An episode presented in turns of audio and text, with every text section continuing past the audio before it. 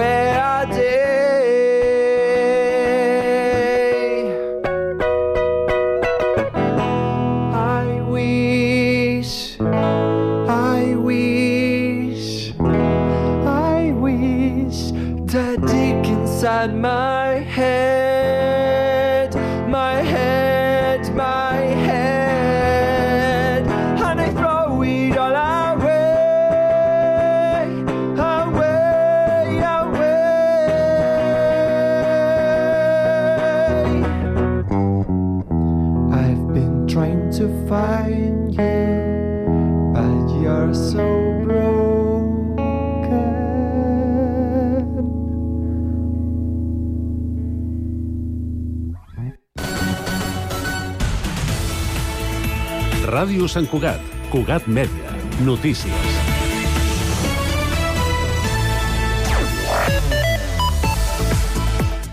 Bon dia. El val escolar de 100 euros que la Generalitat ha impulsat per aquest inici de curs no ha estat exempta de crítiques. La principal queixa és que aquell xec no es pot fer servir per pagar les quotes de material que els centres cobren a les famílies i, per tant, no soluciona el problema del copagament. També que el val no s'hagi pogut fer servir aquest curs a l'ESO i que tampoc serveix per pagar les llicències dels llibres digitals.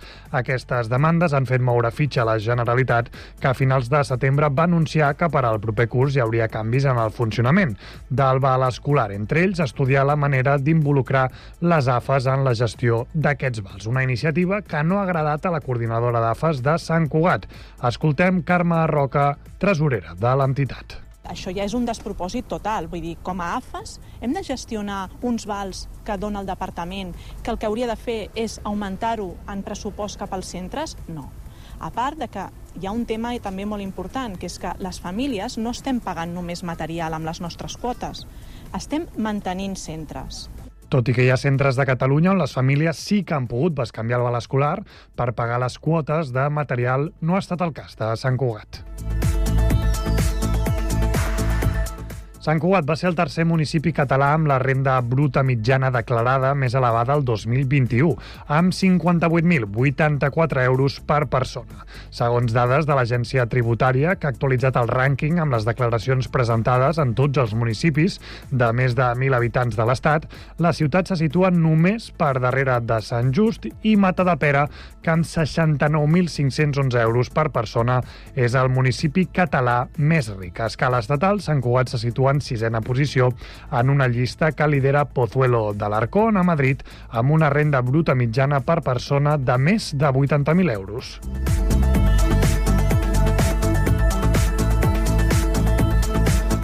I en esports, la 64a marxa infantil de regularitat torna a omplir aquest diumenge a Collserola. El club muntanyenc ha exaurit totes les places amb 2.000 infants inscrits que s'indinsaran per Collserola en un recorregut de prop de 10 quilòmetres. I acabem explicant-vos que el Solideo Patiugue Club Sant Cugat Femení afronta aquest dissabte la tercera jornada de la Hockey Lliga Iberdrola amb un duel ballesà contra el Cerdanyola. Tots dos equips arriben amb 3 punts després de sumar una victòria i una derrota en les dues primeres jornades.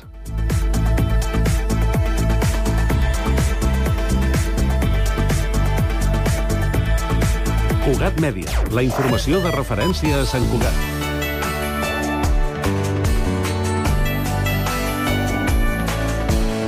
Ràdio Sant Cugat, Cugat Mèdia, 91.5 FM.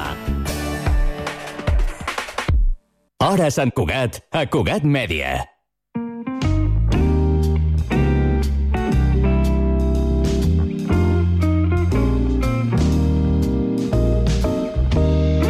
El pastor protestant de Valldoreix, Josep Monells, ha publicat recentment un nou llibre, La Bíblia en veu de dona. Sí. Monells, que està a punt de fer els 90 anys, ha dedicat la seva vida a difondre l'Evangeli i en aquest camí ha creat congregacions a diferents poblacions del país. Sant Boi del Llobregat, Castelldefels, Viladecans, Gavà, Barcelona i Valldoreix, aquí Sant Cugat del Vallès, on hi viu, com dèiem, ja el senten, tenim Josep Monells amb nosaltres a Cugat Mèdia, benvingut. És un privilegi estar amb vosaltres i sentir-vos i, és, i ara és agradable col·laborar.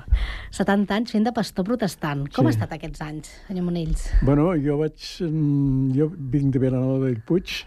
El meu pare va morir quan jo tenia 12 anys. Als 14-15 vaig tenir que emigrar perquè la meva mare tenia tres fills i vaig venir aquí. Llavors vaig treballar... Vivia en una lleteria amb una senyora gran i treballava en una farmàcia i a la farmàcia treballava, aquells dies treballava de hores diàries. I vaig, mm, vaig tenir un temps... Quan era petit havia sigut escolar, havia guanyat inclús una, una, una, una, un, un concurs de Bíblia a, a Lleida. Però des, als 14-15 anys vaig venir a Barcelona, em vaig desviar una miqueta i vaig tenir una experiència perquè abans primer va haver-hi un xicot dintre de la farmàcia que em presentava l'Evangeli, que era evangèlic, que s'havia convertit, que era un, un ballador de sardanes. I al grup de sardanes hi havia alguns cristians. I mm, jo me'n burlava. I al final em va dir, tu no te'n parlaré mai més perquè ets un, ets un rebel. Però anàvem, a, érem joves, 15-16 anys, anàvem als balls, i una vegada vam anar a ballar a la, a la Barceloneta que allà deien que les noies estaven més lleugeretes i tal. I al sortir va haver una baralla entre, entre grups, Uh -huh. però nosaltres érem espectadors. I al marxar, als 100 metres d'allà, es paren tres o quatre tios del grup i ens pregunten qui tenia raó. I jo, en lloc de contestar-li, li pego un cop de puny amb aquell. Llavors vaig xiular, va fer un xulet, i van sortir una vintena de nanos d'una pandilla, que en aquells temps eren freqüents, i ens van atonyinar de, ens van fer malbé. Uns, uns morats per tot arreu i sort vam tenir de la policia, que ens va alliberar i ens va portar a la, a, al sanatori més propà, o bueno, al, al servei mèdic, Sí. perquè ens curessin. Quan jo vaig anar cap a casa, vivia amb una senyora molt gran, però que era molt estricta, molt dura, i pensava, "Hosti, em farà una bronca de cuidado. I vaig pensar, però Josep, aquest camí no és gaire bo. I a partir d'aquell dia vaig començar a preguntar-li a aquell evangèlic que m'expliqués coses. I vaig començar a interessar-me per l'evangeli i, de fet, hi havia un, un detall que m'havia influït ja de petit. Havia sigut escolar i hi havia un capellà, un vicari, que és de mossèn Bach, que ens ensenyava l'Evangeli en català ja, en temps del Franco, que estava prohibit. I una vegada a casa d'un, en una tenda d'allà al, al poble van preguntar, vaig sentir un conversar entre dones que deien mm, que hi havia un llibre que es deia la Bíblia però que estava prohibit. Jo vaig sentir això. I vaig pensar, quan sigui gran, el llegiré. El llegiré. I llavors, quan vaig conèixer l'Evangeli, em vaig interessar per la Bíblia i vaig començar dubtant del segon manament. Perquè vaig- vostè, perquè la gent s'entengui, vostè e- era catòlic, però Havia es va, catòlic. havia sigut catòlic i es va convertir al convertir al protestantisme. protestantisme, exactament. I el jove. punt de partida va ser, Sí. a part d'aquella baralla que em va fer reflexionar, Sí. va ser el fet de que la primera cosa que vaig descobrir era que el segon manament de la llei de Déu diu no facis per tu cap imatge, no l'adoris ni li donguis culte. Uh -huh. I, esclar, allò era un, contracte, un contrast que la Iglesia Catòlica no et feia, no et feia conèixer la, el, aquest segon manament. I, vas, I- I va pensar, ui, Llavors això m'ho amaguen. si m'amaga aquest, em pot anar amagat altres coses. Llavors em vaig començar a interessar i vaig entrar en contacte amb capellans, amb amics, amb laics, que em parlaven de, del catolicisme, però quan més parlava amb ells, més em vaig apropar a una església evangèlica, fins un moment, un dia que vaig tenir una experiència de conversió. En aquell any, a la iglesia, que era al passatge Nogués, de Gràcia, mm, es van convertir, o van batejar 54 joves, entre els quals estava jo. Perquè els protestants també es bategen. Els bategen de grans. De grans. Quan ja un és conscient i accepta les veritats fonamentals, em vaig batejar, em vaig integrar i molt aviat vaig participar en el grup de, del coro, però aviat vaig començar a predicar l'Evangeli. Em donava testimoni de com havia conegut a Crist, com havia canviat la meva vida i, bueno, en aquells temps vaig fer coses molt atrevides. Anàvem a predicar, jo havia anat a predicar inclús a Montjuïc, per entrar a predicar als, predi presoners en aquells temps. Però el més fort era que els dissabtes, amb dos o tres creients de la mateixa església, anàvem al barri xino a predicar l'Evangeli als joves i a la gent que entrava i sortia de les cases de prostitució.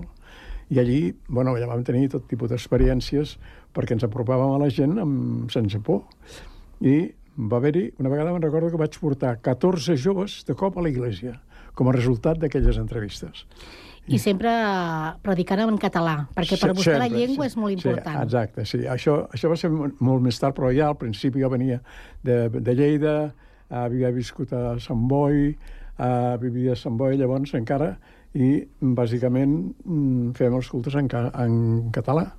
I, I això que a Sant Castelldefels, que era una missió de la nostra església, venia gent del sud. Hi havia molta gent immigrant, que era un temps de, de construcció, hi havia molts paletes, i hi havia molta pobresa. Però hi havia una família que era creienta, que seguia un missioner americà, que l'home recollia tots els crios amb el cotxe i tenia 20 o 30 xavals, però es va posar malalt i va tenir que marxar, llavors ell em va, em va dir si jo em volia fer càrrec del grup i em vaig començar a fer càrrec del grup i llavors resulta que anava a predicar jo allà entre dissabtes, diumenges al matí, diumenges a la tarda, però m'havia de combinar-ho amb les hores de treball que tenia perquè feia repartiment de llet i tota la pesca. I ja de més gran va portar a Catalunya el moviment fundat als Estats Units. És a dir, que vostè de Catalunya viatja als Estats Units on, i llavors no, va portar... No, als Estats Units va ser més tard. Ja havia sigut, ja havia fundat l'església de Sant Boi, uh. -huh. la vam constituir com a independent perquè era una missió de Verdi, uh. -huh. i quan Verdi va, va voler comprar un terreny, va voler fer, va voler fer, però precisament van voler obrir les dues coses, la iglesia de, de Verdi i la iglesia de Passatge Nogués. I la policia ens va tancar les dues. I llavors vam fer durant un any quasi els cultes a casa nostra al carrer Sant Cristóbal 16, que era una lleteria, però teníem un magatzem molt gran que s'hi posaven, precisament s'hi posaven els, els pastors, ai, els pagesos de Sant Cugat venien a guardar els sobrans de les, del dia de venda o el que anaven a vendre. I allà mm, va ser, vaig estar durant un any. Però després d'això vaig estar estudiant. Ens mm. van fer una, una convocatòria, van, fer un, van començar un seminari a l'Església de Verdi amb professors estrangers i, na- i nacionals, i llavors apreníem els dos idiomes i anglès una mica. I a partir de llavors ja sempre, jo sempre he anat a parlar tot arreu en català. I bàsicament, diguem-ne, els moments, els moments de, àlgics va ser una vegada que, bueno, quan ja era pastor, a les, a les reunions de pastors sempre es parlava en castellà. Menys, hi havia un pastor de, Vall... de Rubí, que es deia Joan Vallès, uh -huh. que era- aquest home era català, catalanista, havia rebut a, al president de la República quan era, era república i eren a Iglesia amb, a, a, a Rubí. I, una, I juntament amb l'Àngel Cortés, que era un altre catalanista també, que era, havia sigut expulsat de la universitat per les seves postures rebels, però es va convertir... I un altre que es deia Joan González i Pastor, que també era catalanista, i aquest va ser un historiador molt, molt, molt ferm, i el, els quatre van fer una promesa de que a casa un dia... I llavors ja vivia aquí a Vall d'Oreig. Uh, llavors, allà van fer una promesa de que faríem el català en bus. I anàvem a la reunió de pastors i érem els únics que parlàvem en català, tots els altres parlaven en castellà, però nosaltres català. I quan després ja vaig anar fundant esglésies, ja les enfocava sempre en català. I com és aquest moviment fundat als Estats Units que va portar cap aquí, que és el campus Crusade for Christ? Sí, Campus En què consisteix tot aquest moviment? Bueno, aquest moviment, això va ser en l'època, perquè jo durant el període de, de pare i de pastor a, a Sant Boi de Llobregat ja vaig començar a tenir fills. Tenia cinc fills llavors, després em vaig tenir set, fins a set, però a Sant Boi la meva filla Abigail, que viu aquí dalt, És veïna d'aquí la ràdio? i ella i un altre Ariel els marginaven, fent bu bu bullying, que diríem ara. Uh -huh. I, esclar, estàvem cansats de tenir que afrontar el problema i jo em vaig donar compte que teníem que fer una escola. Però va ser la meva dona i una missionera americana, que es deia Priscilla Blair, em van convèncer de que jo formés una escola. Diu, tu portes, havia portat moviments juvenils, exploradors juvenils, havia fundat l'Hora de la Joventut, portava, jovent, participava en Joventut per Crist, i sempre havia estat treballant amb gent jove. I diu, tu pots posar una escola evangèlica. I llavors em vaig començar a bellugar per aconseguir mestres, però només, només teníem tres mestres. I amb tot i això mm, vam voler començar. Les dificultats van ser... Hi va haver-hi una senyora que ens va oferir la casa seva una senyora molt especial, al, a la colònia Güell. Mm -hmm. Però allà no la vam acceptar perquè no teníem prou diners per refer la, la torre, que tenia una torre molt xula. Per cert, és una història una miqueta complicada, perquè estava vinculada amb el bisbat de Barcelona, Mm -hmm. i en, ella ens, ens deixava la casa Per fer l'escola. per fer l'escola, però no la vam No poder, vau fer, poder fer. I llavors vam, vaig intentar, intentar buscar aquí a Barcelona, i aquí a Barcelona vaig a l'església de Terol, la que ens va deixar els, els seves, eh, les seves, el seu lloc, i vam començar allà l'escola. Però, esclar, només teníem dos o tres mestres i teníem molts, estu molts al- alumnes, i d'on trec els, els mestres? Perquè els joves que havia a les esglésies evangèliques, si algú estudiava, havia d'estar set anys eh, fent el batxillerat i després tres o quatre per mestre. Necessitava 10 anys esperant. No podia esperar 10 anys. Llavors vaig buscar, vaig pensar, bueno, on, on els guanyo? Els tios que estan a la universitat n'hi ha que són mestres. Aniré a predicar l'Evangeli allà. Ho vaig intentar una vegada, però no... No, No us van sortir. No va sortir. Però allà em vaig trobar un individu que era un, amer un missioner americà, un xicot jove, ros, alt, que presentava l'Evangeli amb quatre punts, que se'n deien les quatre lleis espirituals. I em recordo que les explicava escrivint-ho en, en vermell sobre la mà. Però amb aquell xicot ens vam fer amics i un dia em truca la policia dient que el tenen detingut. Me caig la mar. Vaig tenir que anar a la, a la comissaria, que llavors estava una comissaria que hi havia al carrer Sepúlveda, el vaig a veure i em diuen aquest tio l'hemos extraditar, extra, extra, Extraditar. Treure- sí, país. del país. Expulsar-lo. I, i llavors em van, després de fer-me un interrogatori, em, ell va tenir que marxar, però em va deixar la seva literatura. I llavors, mm, però aquell xicot em va fer sentir la necessitat de treballar més a la universitat, perquè ell ja havia anat a la universitat, ell predicava a la universitat, però em van, el van detenir a la universitat. Llavors jo vaig, va venir un congrés, va haver-hi un congrés aquí a Europa, a Alemanya, que hi van participar molts, molts països, i bàsicament van passar per aquí un mexicà que buscaven un perso una persona per dirigir aquest moviment que llavors havien nascut als Estats Units quatre moviments molt importants, Joventut per Crist, eh, Intervarsity, Campus Crusade for Christ International i els Navegants. I després hi havia un altre que deia moviment, mm, ah, no em recordo, és igual. Però mm, un d'aquests moviments va venir aquí a Espanya buscant el dirigent i va anar a Madrid. Va passar per Barcelona, però aquí a Barcelona ningú li va donar referències, i a Madrid li van dir, no, a el tio que busqueu el trobareu a Barcelona. Es diu Josep Monells. I eren dues persones, un era el dirigent de la Comissió de Defensa, que era un grup de cinc persones que defensaven tot el programa evangèlic davant del govern, i, i un altre missioner. I em van, bueno, van venir aquí a Barcelona, em van buscar, em van trobar, van parlar, em van donar sis mesos de temps, perquè primer em van invitar a una conferència a Everest a Anglaterra. I em va agradar, clar, vaig veure que treballaven amb universitaris, hòstia, aquí, aquí puc, jo puc fer alguna cosa. Però mm, em van donar sis mesos de temps. Jo vaig tenir que buscar tres pastors, que em vaig trobar dos, un l'Àngel Cortés i el Joan González i Pastor, i a més vaig trobar un, un senyor, que és un tal Mercè, que es va fer càrrec de l'escola evangèlica, perquè llavors jo portava l'escola evangèlica, teníem 200 estudiants, però devíem 300.000 pessetes. En aquells temps eren molts diners. I aquest empresari es va fer càrrec de la responsabilitat de la deuta i de l'escola. Llavors jo em vaig sentir amb llibertat, però encara vaig posar traves. Uh, vaig posar traves i d'allà em va sortir el llibre que, un dels dos llibres que tinc. De moment, el primer que va treure, que és uh, Jacob contra, Jacob contra l'Àngel, no? que narrava les adversitats que ha patit al llarg de la vida per causa de l'Evangeli. És a dir, exacte. que no és fàcil ser protestant en aquest país. Exacte, allà hi tinc moltes històries molt personals, molt entrevistes, i va ser durant aquest període que vaig tenir una experiència, fèiem campaments de joves, i vaig tenir un cridament de Déu, i vaig entendre que Déu em cridava al ministeri. I allà em vaig barallar amb Déu. Eh, per això Jacob contra l'àngel, contra l'àngel de Déu. I allà va guanyar. Eh, Una lluita que havia tingut Jacob, i lluitant contra Déu, Déu li dona un cop al, al, al, a l'ingle i el, va caure. I a mi em va passar el mateix. Vaig quedar rendit, estic disposat a fer la teva voluntat i a partir de llavors vaig estar disposat a servir el Senyor tot el temps. I és quan es va fer pastor, doncs. I llavors, com a resultat de la necessitat que tenia l'escola, ja feia de pastor i, mm, bueno, mm, em va sortir aquesta oportunitat que em buscaven un dirigent per formar un treball de testimoni a la universitat que em van invitar a mi a anar a Anglaterra, després em van deixar sis mesos més de temps, i durant aquests sis mesos havia de dir sí o no.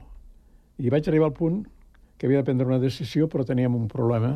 La meva mare era, tenia càncer, que cuidava la senyora gran, i la mare de la meva dona també tenia càncer, ja m'havia casat. Llavors, jo, la noia, la meva dona, tenia 18 anys, jo en tenia 23 quan ens vam casar. I quan ens van quedar, ens vam quedar sense mare, una i l'altra, vam dir, bueno, doncs, estem disposats a anar on sigui. I llavors vam decidir, vam acceptar la responsabilitat d'anar a Mèxic, que vam estar durant 10, 10 mesos a Mèxic. Allà vam tenir les experiències i després vam anar dos mesos als Estats Units, però lo important per la nostra preparació, perquè en aquell temps havia hagut la batalla de Tlatelolco. Aquesta setmana ha sortit notícies de lo que va passar a la ciutat de Mèxic, que van matar quasi 200 o 300 estudiants. I quan nosaltres vam anar allà encara hi havia l'ambient polititzat, perquè Ja. coincidia amb la revolució del moviment, del moviment de Che Guevara i, i Castro i el moviment de drogadicció. I nosaltres anàvem a la universitat on hi havia tota tendència comunista i tot el que vulguis, i fèiem enquestes i els joves que responien els invitàvem a unes conferències que fèiem a la mateixa universitat. Allà vam estar bàsicament durant 10, 10 mesos i dos, i dos mesos després als Estats Units i bueno, vaig aprendre moltes coses. I vaig tornar aquí el 90, 70, el 69 i el 70 vam començar el ministeri aquí. I vam començar de zero, perquè em vaig trobar jo que abans de marxar era un conegut dirigent de tota la joventut evangèlica, quan vaig tornar quasi tots em van fer el buit Per què? perquè van creure que jo havia marxat als Estats Units per fer per, per qüestió de calés. Quan en realitat jo no tenia ni idea de com funcionava allò. I quan la meva dona va arribar allà, que va ser tota una experiència molt divertida, portava cinc fills, joves, xavalets, i quan va veure el sistema que havia financer, diu, no comptis amb mi, jo no, amb això no participaré. Mm. Però en realitat va ser ella la primera dona que va aixecar fondos pel Ministeri. Perquè tu, resulta que tu ens havíem d'aixecar els diners pel nostre ministeri, amics o iglesias o, o empresaris. I al final, bueno, vam estar allà, vam aprendre moltes coses, però sobretot vam aprendre la tècnica de, de parlar amb gent. Allà fèiem el que feien els comunistes, cèl·lules. Els invitàvem en grups petits, llavors teníem una tècnica d'invitació i tu explicaves com, com havies conegut a Crist i llavors ell també quan explicaven coneixies quins eren els seus punts flacs i què li interessava i a partir d'allà entràvem a dialogar amb els individus i els portàvem a parlar de l'Evangeli. Vam venir preparats, molt preparats, i com vam venir aquí vam començar a fer el mateix. I aquí vam tenir pues, de tot. I la història d'aquí és, és molt, molt llarga, però bàsicament la idea era presentar l'Evangeli molt simple, continuar els resultats que en dèiem nosaltres, que el creixement, i les persones s'integraven a les esglésies que pertanyien, perquè treballàvem amb diferents esglésies, inclús amb catòlics.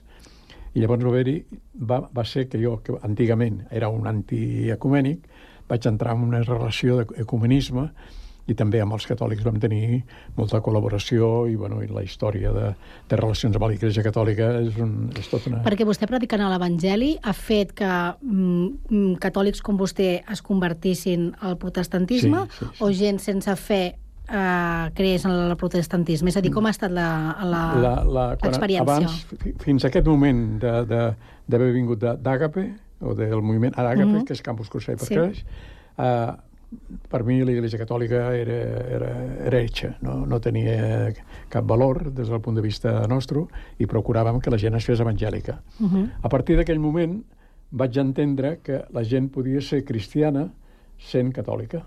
I llavors, diguem-ne, si una persona que li presentàvem l'Evangeli no simpatitzava amb l'Evangeli, doncs el, el connectàvem amb l'Iglésia Catòlica i es feien catòlics i continuaven catòlics. I llavors jo d'aquí tinc una línia, diguem-ne, que inclús he rebut un homenatge de, de l'ecumenisme per dues vegades, perquè vaig fer moltes coses relacionats amb catòlics de molta margadura. Però això és una altra història. Uh -huh. Però bàsicament jo vaig continuar com a evangèlic i formant el moviment aquest d'Agape o Campus Crusade for Christ International i vaig arribar a ser no solament director nacional, sinó també eh, director del sud d'Europa, O sigui, tenia responsabilitat sobre França, Itàlia, Por Grècia, Portugal i Espanya. I, bueno, I en el cas d'Espanya hi ha uh, més cultura de la religió protestant que altres països europeus o estem a la molt cua? Menys, menys, Molt estem a la menys. cua, sí. Potser en tenim una mica més que Portugal, però no. França té més protestants i Itàlia també, i Grècia són ortodoxes, però són d'una altra branca. I ha estat difícil uh, predicar l'Evangeli aquí a Espanya per vostè? Bueno, mm, jo no, jo no he tingut... dific- Sí que vaig, al començament jo una vegada ens van apedregar i quan portava els joves, que fèiem campaments de joves, ens havien apedregat a la muntanya i a la iglesia. Però en aquells temps la falange també apedregava uh -huh. els, els catòlics que feien eh, Boy Scouts, que hi havia un moviment catòlic que també, també ho feia com nosaltres. Nosaltres en dèiem exploradors juvenils i ells els deien mm, Boy Scouts. Però la més complicada potser va ser quan em van detindre a l'any 60 eh, davant del Coliseu, Coliseum, que anàvem, anàvem a repartir folletos evangèlics i un company nostre havia escrit, Jo- Jo- Josep Grau, va escriure un folleto sobre els deu manaments. I s'estava fent una pel·lícula, Els deu manaments, que era molt, tenia molt èxit, hi havia unes cues allà al Coliseu, un tremendo, i nosaltres aprofitàvem el dissabte a la tarda o el diumenge al vespre, després del culte, anàvem allà al- a la sortida i a la cua, mentre la gent esperava per entrar al cine, els donàvem folletos. I en aquell moment que jo portava, que havia anat a casa a buscar-ne, que casa meva, com que era gran, hi tenia tot el, tot el dipòsit de la literatura il·legal evangèlica. Bàsicament, i els repartia entre els quatre o cinc que estàvem allà, i ens va ve la policia i ens enganxa. Ens va prendre la documentació i a mi em va convocar pel dia següent. Llavors, clar, ens vam espantar, la policia ens farà un problema gros. Llavors vaig trucar al pastor, que es deia Josep Maria Martínez, que era el pastor de Verdi, que era la iglesia nova que havien fet, i li dic, escolta'm, que ens han pres la documentació, si venen a casa em, em trobaran tot el que tenen. Què faig? Diu, fes el que vulguis. Si vols portar-ho a l'església, l'església està oberta. I vam començar a transportar maletes i, i, i motxilles de, de literatura de casa, que vivíem al carrer Sant Cristóbal, travessera de Gràcia, cantonada carrer Salmerón, a Verdi, que estava a, de, damunt de la plaça dels Ceps. Uh -huh. I vam començar el primer viatge, jo anàvem de 100, de, de 100 metres en 100 metres, anàvem de dos en dos separats. Jo anava sol, i era l'últim. I vaig veure davant que detenien els dos anteriors. Hòstia, la policia una altra vegada. Hòstia, això devia estar connectat amb lo del... eh, perquè era la mateixa nit, perquè aquell temps era, Jordi, era Setmana Santa i allà no hi havia ni, ni, ni tramvies, ni taxis, ni, ni transport. Això estava connectat. Llavors jo em vaig retirar, vaig anar-me a casa, i, però vaig anar a portar les dues maletes que portava a casa d'un altre amic meu, que era, que era amic i cristià, però va tenir por. Diu, no m'ho puc quedar, Josep, perquè això, jo, jo he tingut problemes en la guerra i si em venen em un- a la presó. I llavors vaig anar amb una altra fa- família, que és al mateix carrer, que eren dues persones grans, i aquells diu, sí, sí, deixa-ho aquí, no passarà res, posarem aquí quatre oles i, i ho arreglarem. Però al cap de mitja hora me'n vaig anar cap a casa, tanco la porta, al cap de mitja hora sento uns trucs, pum, pum, pum, pum, i baixo, perquè eren les dues o les tres de la matinada, hi havia un camionet d'aquests de la policia i quatre guàrdies d'assalt amb, amb naranjeros a la mà entren a casa i comencen a registrar la casa de cap a peus. Coincidia que la meva primera filla, l'Abigail, la que viu aquí dalt, tenia set dies. I jo havia trucat també al missioner, que era un americà que era el que ens portava la literatura, il·legal, però que la posàvem a casa perquè tenia espai. I li dic, escolta'm, hi havia la seva dona, que dic, "Mm, com està Harold? Diu, està repartiendo folletos en la, en la torrassa. Dic, pues mira, digue-li que, que tinc la policia a casa. I el tio, quan va arribar a casa, el que fa, es presenta. Era un tipus ros, jove, i la, botiga estava oberta al llum, ple de gent, ple de, ple de, ple de, de policies i nosaltres portant els, els baixant, perquè tenia un pis i d'allà baixàvem tota la literatura.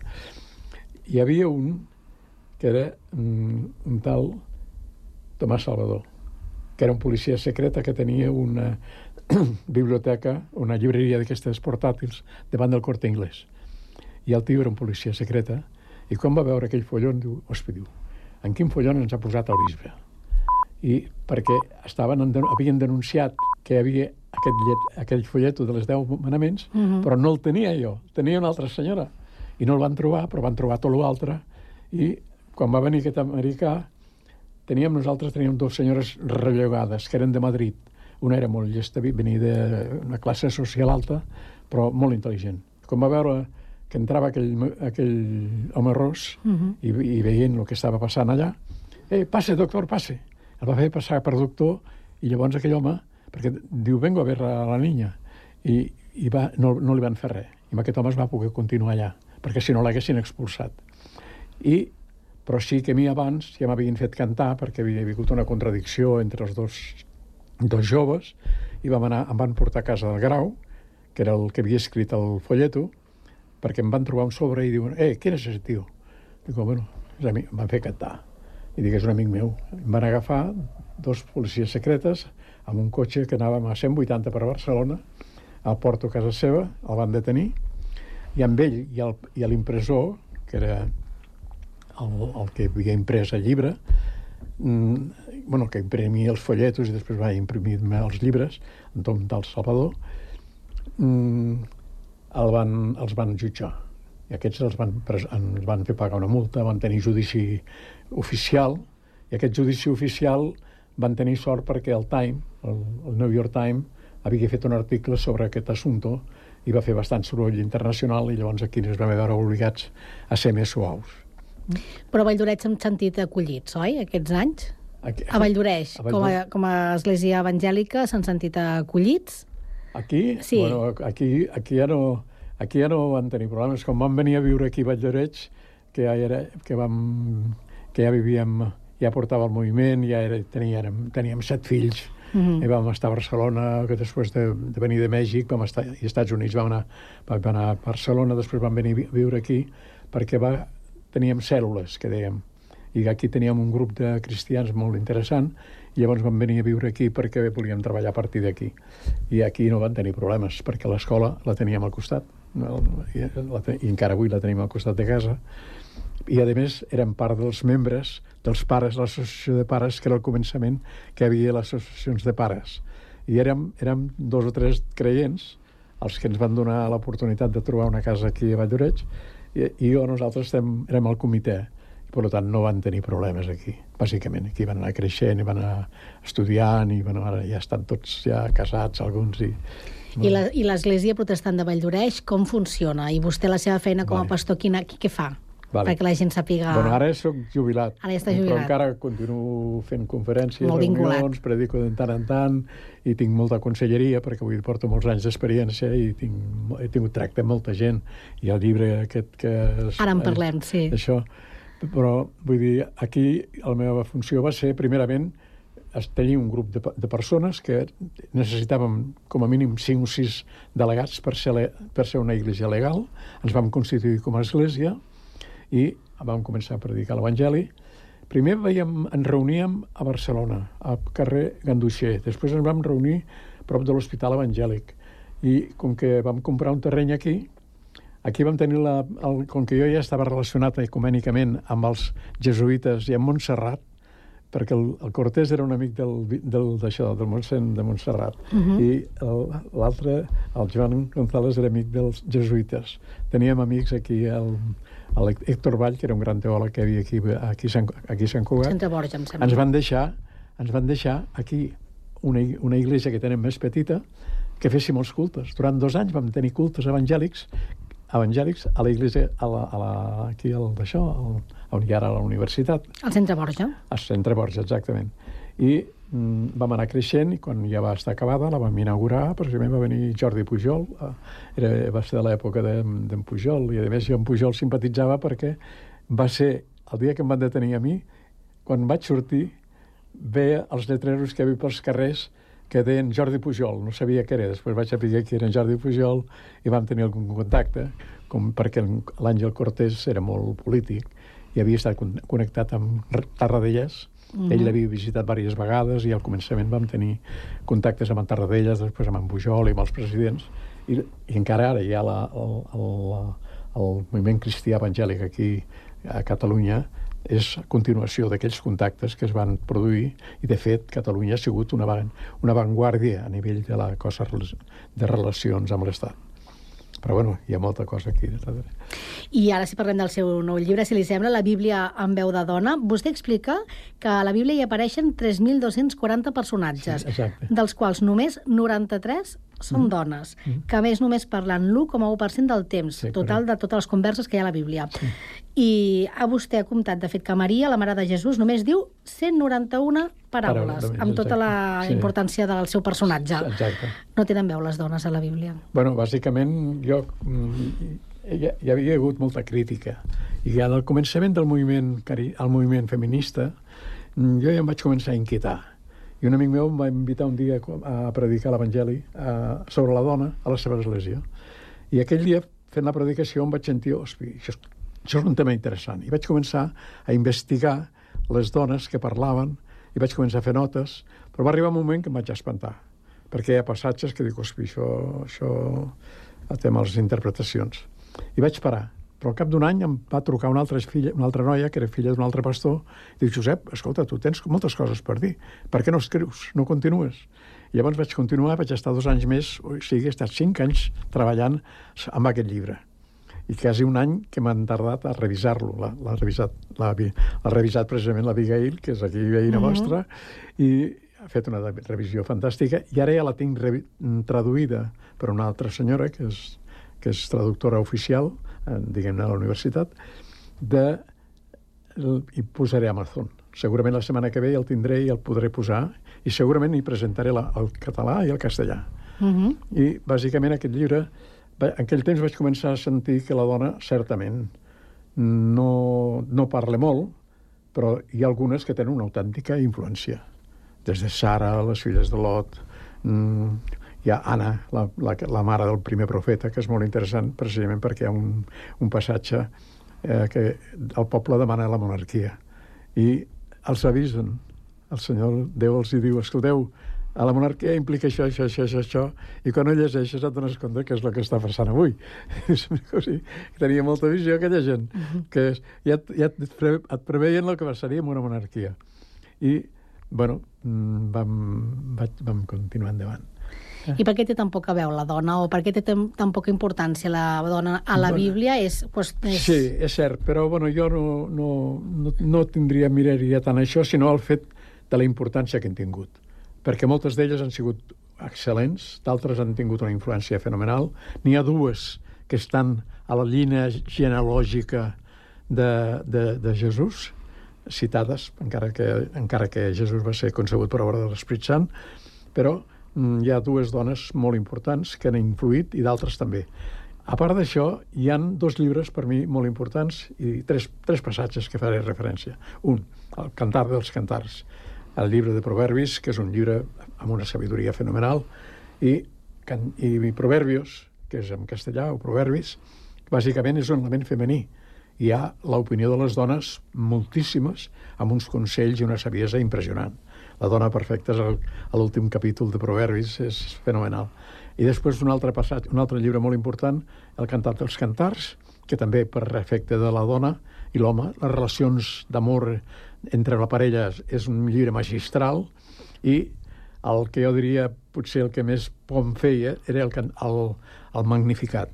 Les paraules que diuen quan la Elisabet i ella parlen quan es van a visitar i parla del Crist, que, tindrà un fill, no?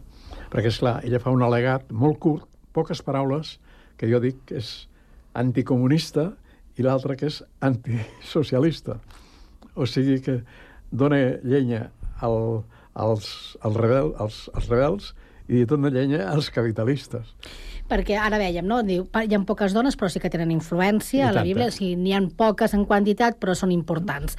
A l'Església protestant, la dona té un paper important, també. Sí, les dones, les dones estan, estan considerades pastores, moltes pastores. A més, jo vaig coincidir a Finlàndia, que llavors era, tenia una conferència a Finlàndia, on Finlàndia va ser un dels primers països on la dona va adquirir els drets totals del, del, del pastorat. I hi havia molts homes, però les dones també estudiaven, però no els hi donaven el títol. I em recordo que jo vaig estar precisament allà on hi havia una discussió forta entre homes i dones, perquè els pastors tenien por que les dones parlaven més i eren més, més ben rebudes en el diàleg, en la, en la conselleria pastoral, en el, que els homes, i que cantaven millor que els homes i de, de, a partir, d'allà pues, altres denominacions han incorporat la dona. A nosaltres, els bautistes, la dona ha de ser... I en el moviment nostre d'Agape, de Campus José Procreix, per quan vam entrar ja, d'entrada, perquè un sigués acceptat, tenia que tenir la dona, havia d'estar d'acord i havia de participar com a orer. O sigui, per nosaltres una dona era igual que l'home en quant al seu ministeri, en quant a les seves influències, depenia dels dons que tingués i tal i qual. O sigui, i actualment diguem-ne, a la nostra església doncs, ja bàsicament la, la dona presideix, dirigeix el cant i convé, si convé predica.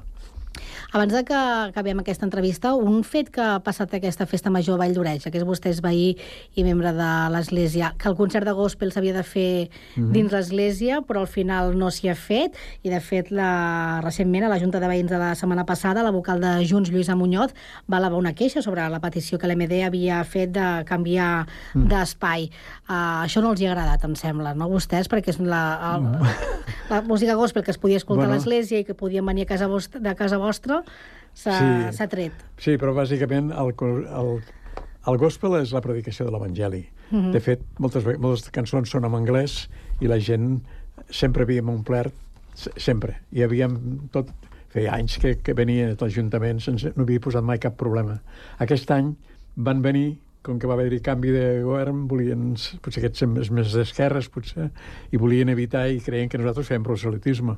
I, de fet, no era proselitisme, perquè hi anava la gent que li agradava la música i venia el dia del concert i no tornava més.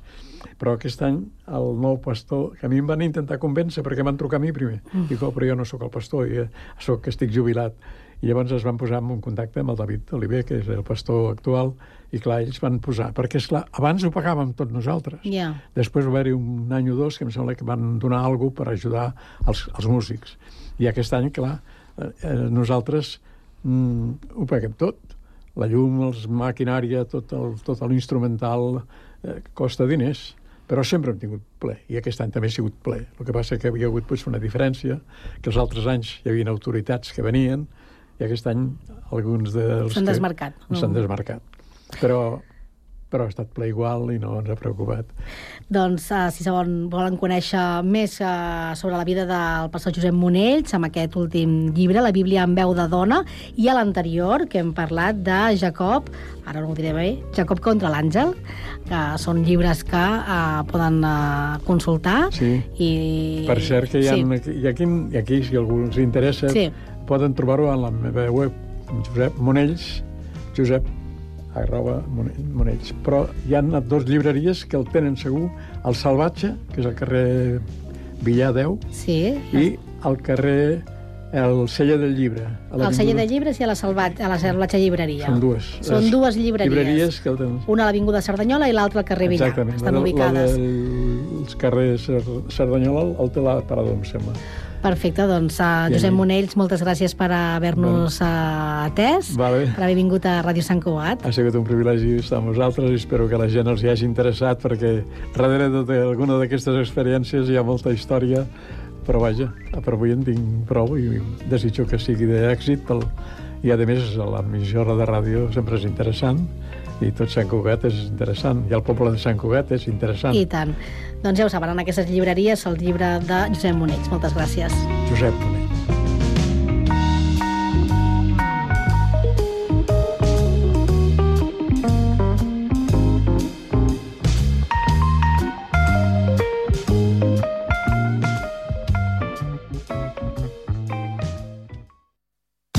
mateix ser integrants del millor grup de la història que ser el millor grup de la història.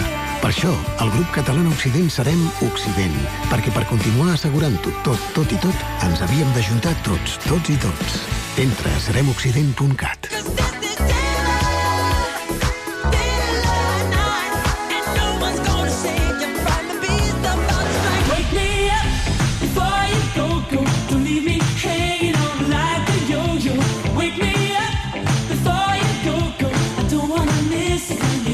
sona?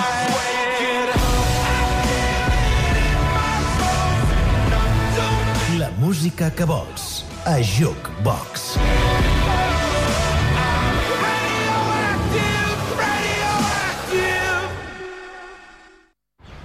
Estàs pensant a posar plaques solars a casa teva?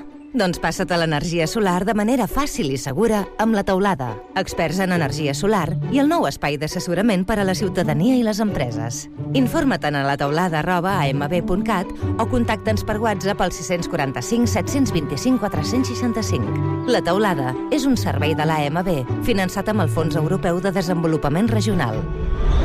AMB, Metròpolis de Barcelona. Nova temporada de Cugat Mèdia. Les mirades. Les veus. Les emocions. Els batecs. Els vincles. Consulta la programació a www.cugat.cat. Cugat Mèdia. Arribem a tu amb tots els sentits.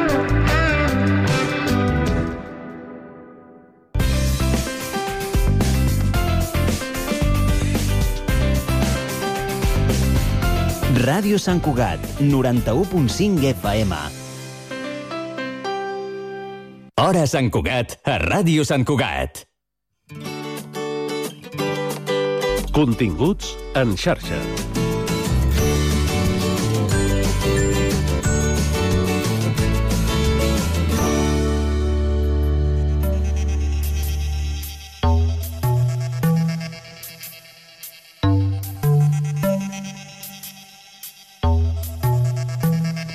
L'àrea metropolitana de Barcelona i l'Institut de Ciències del Mar han posat en marxa Bioplatges Med, un projecte científic que vol comptar amb la participació ciutadana que té com a objectiu promoure la gestió sostenible dels ecosistemes de platges i dunes, analitzar l'impacte de les accions i estratègies que s'implementin per protegir els ecosistemes dels litorals.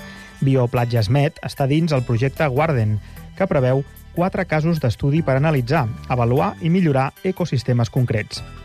Els altres estudis es faran a Xipre, Grècia, França i Madagascar. Per parlar-ne tenim a David Piqué, tècnic responsable del projecte a l'àrea metropolitana. Benvingut. Hola, moltes gràcies, bon dia. Quan parleu que és un projecte de ciència ciutadana, a què us referiu exactament? Doncs mira, eh, el projecte Bioplatges Med, com bé deies, està integrat dins el marc del Guarden, el projecte europeu Guarden, i, i li diem que és un projecte de ciència ciutadana perquè el tronc principal de Bioplatges Med eh, estarà acompanyat doncs, d'un conjunt de voluntaris que estem en procés de, de, de recerca i de divulgació perquè es puguin afegir, que són els que, eh, a través de la plataforma MINCA desenvolupada per l'Institut de Ciències del Mar i, i CSIC, on s'afegiran totes aquestes observacions d'espècies de fauna i flora que trobem al llarg del litoral metropolità i es podrà eh, aconseguir un registre, doncs, com et comento, de totes aquestes espècies. Llavors, això que, quin objectiu o quina finalitat té? Doncs el coneixement de totes aquestes espècies i eh, poder fer una millor gestió de les platges i de la seva fauna i flora per tal doncs, de, de fer un, una millora respecte a aquestes. Uh -huh. Però llavors, diguem, què ha de fer el ciutadà eh, per participar-hi? Necessita Clar. tenir una aplicació, entrar a una pàgina web? Quina és l'acció concreta que ha de fer Exacte. un ciutadà? Pues, com dius, eh, a través de l'aplicació Minca, aquesta que us comentava, eh, el voluntari o el ciutadà es pot descarregar aquesta aplicació a, al telèfon mòbil, ja sigui Android o, o iOS, i es descarrega aquesta aplicació, l'obra es registra molt fàcil amb un correu i un nom d'usuari i a partir d'aquí, amb la ubicació activada, tu eh, per qualsevol punt de la platja pots anar i a qualsevol espècie de fauna o flora que puguis observar i que trobis interessant, es fa una imatge, es pot fer un suggeriment de l'espècie que tu creguis que és i es puja al teu perfil. Llavors, la gràcia d'aquesta plataforma és que, tot i que tu no sàpigues quina espècie en concret és, entre tota la resta de voluntaris es puguin fer suggeriments. I igual tu creus que és una espècie concreta, però un altre usuari et diu mira, fixa't que aquí eh, aquesta espècie té aquesta forma o aquesta planta la, té tants pètals i l'altra en té tants altres. Llavors, entre els usuaris eh, es pugui crear una dinamització i una comunitat per compartir aquestes opinions i, i ajudar a fer créixer el coneixement. Mm -hmm, perfecte. I llavors, a banda d'això, eh, diguem, totes aquestes dades, aquestes fotografies, no? És, serà un recull de dades, eh, que ara ha estat, diguem, la gestió de les dades és molt, molt important, i entenc que això eh, passa per l'Institut de Ciències del Mar, no? Imagino, no?, que són els que recolliran Exacte. aquestes dades, i què se'n farà? És a dir, què es, què es busca amb aquestes dades, més enllà de la participació i la comunitat, que ja m'ha explicat, un cop tinguem aquesta informació, eh, segurament molt valuosa, perquè són molts més ulls no? a mirar a, a, a les platges. Eh, què en fa la gent de l'Institut de Ciències del Mar? Què en fa amb aquestes dades? Sí, com bé comentes, eh, bueno, de fet, avui en dia hi ha molts estudis científics que eh, la base es basa en la ciència ciutadana, per, precisament per això que comentaves, perquè mm, la despesa que suposa contractar tants tècnics per fer totes aquestes observacions és molt elevada, llavors es quedaria mm, el projecte a mitges i gràcies a tota aquesta participació doncs, es pot anar molt més enllà.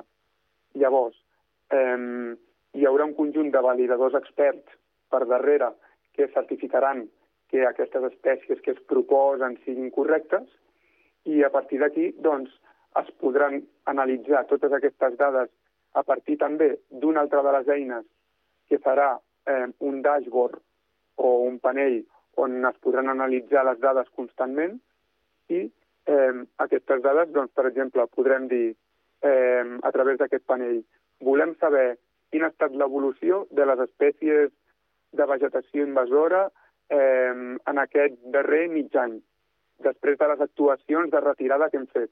Llavors, sabrem si aquestes accions han estat efectives, les podem millorar, si han estat efectives però igual les hem d'adaptar implementant alguna altra acció. Tot això, al final, el que ens servirà per millorar, com comentava a l'inici, doncs, tota aquesta biodiversitat que tenim a, a les zones de les platges metropolitanes. Molt bé. I abans ho comentàvem, no? Aquest, eh, el Bioplatges Met forma part del projecte Warden. Què, què, què implica? És a dir, tu no m'has dit exactament què es farà amb, el, amb les dades que se recullin dins d'aquest projecte, però forma part d'un projecte molt més gran, no? És a dir, què és el projecte Warden, aquí implica, abans jo ja ho deia, no? que es faran um, experiments similars a Xipre, Grècia i França, però um, ampliem una miqueta què és, què és aquest projecte i què, quina ambició té. Correcte. Doncs el projecte Warden, eh, a part de, de l'AMB i de l'Institut de Ciències del Mar, com us, com us comentava, hi ha eh, diversos socis que són des d'empreses privades fins a instituts, universitats. Llavors, cadascuna d'aquestes aquest, entitats eh, desenvolupa una eina o una tecnologia o un mètode per mm, l'objectiu general que, com us deia, és promoure i conservar la biodiversitat dels diferents casos d'estudi. Llavors, eh, us posaré alguns exemples molt curiosos. No sé si igual hi ha algú de, que ens estigui escoltant que ha utilitzat l'aplicació PlanNet, és una aplicació bastant famosa que serveix doncs, per mm, fer una fotografia a una planta que no coneguem quina és i l'aplicació, a partir d'intel·ligència artificial, et pot fer uns suggeriments eh, molt acertats de quina espècie concreta pot ser. Doncs aquesta empresa està dins del projecte Warden. Després també tenim, per exemple, una altra empresa que ha a, a partir d'una aplicació mòbil eh, es pot gravar un àudio i escoltant eh, el cant dels ocells ens pot dir el, un suggeriment també de l'espècie d'ocell que, que està escoltant o, per exemple, també hi ha una altra eh, universitat que s'encarrega de modelitzar els serveis ecosistèmics, és a dir, quina és la base, quina és la base de la qual partim i després de les actuacions que es fan al llarg del projecte Warden, com evolucionen aquests serveis ecosistèmics. Per exemple, doncs, mm, l'evolució de mm, totes les espècies protegides que tenim al, al litoral. Quina és la base, a partir de les dades que tenim ara recol·lectades, i després de les actuacions que haguem fet, doncs modelitzar quina serà l'evolució de totes aquestes espècies eh, al llarg del temps. Mm -hmm. Molt bé. Um, imagino que mm, el, uh, és tot un repte, no?, um, aquest projecte, però el que implica aquest projecte, que és la preservar la biodiversitat, etc d'un espai, en el cas nostre, diríem, amb tanta pressió de població, com és l'àrea metropolitana, i amb tantes infraestructures com el mateix aeroport del Prat, no? que, que està allà al mig. No? Suposo que el repte és majúscul en aquest sentit. No? La, ja sé que és una pregunta que no va exactament al bioplatges, però, però entenc que en el fons és preservar tot un ecosistema en una zona on és molt difícil preservar-lo. Sí, de fet, eh, una altra de les branques perquè, com t'he comentat, el tronc principal seria aquesta recol·lecció de dades, però una altra de les branques que, que volem fer i que estem doncs, organitzant és que conjuntament amb l'Institut Metrópoli eh, es vol fer un estudi de eh, conscienciació i de percepció de, de les platges dels usuaris. Llavors, es realitzaran unes enquestes de quina és l'opinió que té un usuari eh, que vagi a les platges, que tradicionalment doncs, havia sigut mm, principalment l'oci a la platja, prendre el sol, anar al xiringuito, i després d'explicar-li el projecte, de fer-li veure tota aquesta quantitat de biodiversitat que a priori igual mm, desconeixem, quina és aquesta percepció? Doncs, ostres, mira, a part d'anar a, a la guingueta a prendre alguna cosa, doncs em puc fer un passeig per aquí i coneixo aquesta espècie, veig aquest ocell que està protegit o veig aquesta sargantana que també està protegida. Seria una mica també la idea d'aquest projecte Bioplatgesmet. Perfecte. Doncs moltíssimes gràcies, David Piqué, tècnic responsable del projecte Bioplatgesmet de l'àrea metropolitana de, de Barcelona. Moltíssimes gràcies per explicar-nos.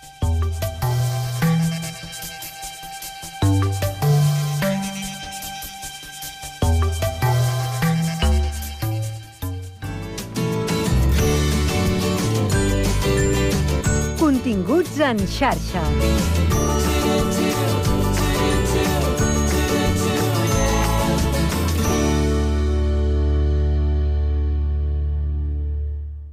Hora Sant Cugat, a Ràdio Sant Cugat.